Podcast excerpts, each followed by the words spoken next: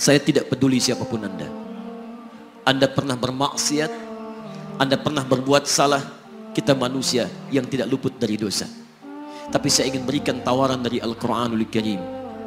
Quran surah keempat An-Nisa ayat 100 posisi paling kiri sebelah bawah.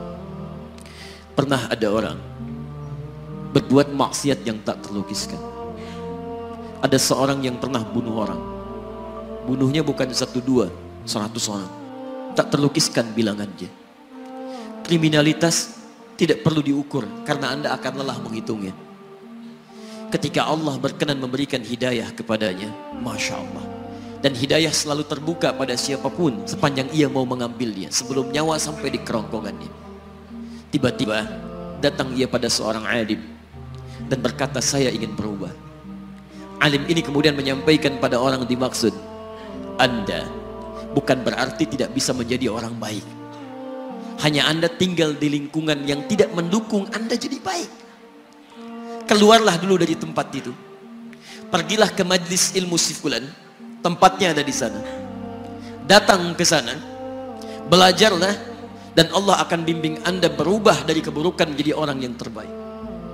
Didengarlah nasihat alim ini. Berangkatlah orang dimaksud. Menempuh perjalanannya. Tiba-tiba Masya Allah. Belum sampai ke tujuan di pertengahan jalan. Konon disebutkan lebih sejengkal. Tiba-tiba maut datang menjemputnya thumma yudrikul maut. Apa yang terjadi? Langkahnya dihitung sebagai ibadah. Dalam terapnya dia beristighfar tobat kepada Allah Subhanahu wa taala. Taubat yang menghadirkan cinta Allah Subhanahu wa taala. Quran surah kedua ayat 222 di ujung ayatnya. Innallaha yuhibbut tawwabin. Allah mencintai orang-orang taubat. Dan cinta Allah menghadirkan ampunan bagi seluruh dosanya. Quran surah ketiga Ali Imran ayat 31 paling kiri sebelah atas. Qul in kuntum tuhibbunallaha fattabi'uni. Yuhibbukumullah. Allah cintai orang yang mau taat pada rasulnya. Lihat ketika Allah mencintai seorang hamba wa yaghfir lakum dzunubakum Allah ampuni seluruh dosa-dosanya. Derap langkahnya menghadirkan istighfar taubatnya menghadirkan cinta Allah cinta Allah menghadirkan seluruh ampunan-ampunan bagi dosa-dosa yang ia miliki. Maka apa yang terjadi? Di tengah perjalanan maut menjemputnya thumma yudrikhul maut faqad waqa'a ajruhu 'ala Allah. Dan pahala diberikan kepada orang tadi. Di jalan maaf maut datang. Taubat diterima dosa diampuni dan amalan didapati dengan derap langkahnya. Maka apa yang terjadi? Thumma yudrikhul maut faqad waqa'a ajruhu 'ala Allah pahalanya dituliskan oleh Allah dakhalal jannah kata Nabi. Masuk surga orang ini.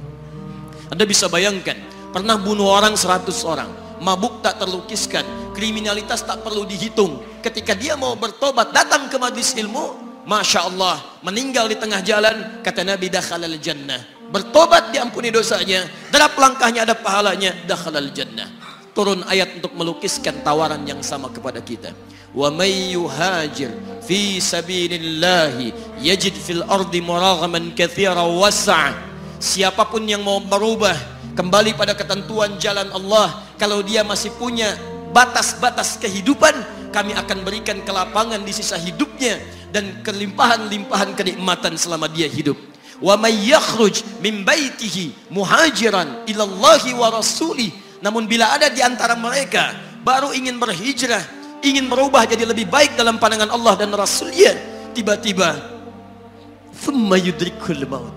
Baru keluar dari tempat dia tinggal. Belum sampai ke tempat dia belajar datang maut menjemputnya. Faqad waqa'a ajruhu 'ala Allah. Kami terima semua amalnya kami ampuni dosa-dosanya dan kami tuliskan namanya di dalam surga. Bila 100 orang saja yang pernah dibunuh oleh orang ini pernah bunuh 100 orang mabuk tak terlukiskan kriminalitas tak terhitung mau berangkat ke majlis ilmu tak sampai ke majlisnya meninggal dia bisa masuk surga masa anda yang tidak pernah bunuh orang ada yang pernah bunuh orang di sini? Boleh angkat tangan? Ada polisi di sini langsung saya sampaikan insya Allah. Anda gak pernah bunuh orang. Anda tidak pernah mabuk. Anda tidak pernah berbuat kriminalitas seperti orang dulu. Salah, wajar. Tapi pintu tobat terbuka untuk kita semua. Masya Allah, bedanya dengan orang tadi. Orang tadi belum sampai ke majlis ilmu. Anda sudah hadir di dalamnya. Langsung di rumah Allah. Diberikan tempat yang terbaik dan kita akan belajar. Kalau dengan semua ini belum mempermudah Anda ke surga, dengan cara apa lagi Allah mesti mengantarkan Anda ke surga? Kalau dengan duduknya Anda di sini belum mau juga bertobat, dengan cara apa lagi Allah harus membimbing Anda bertobat?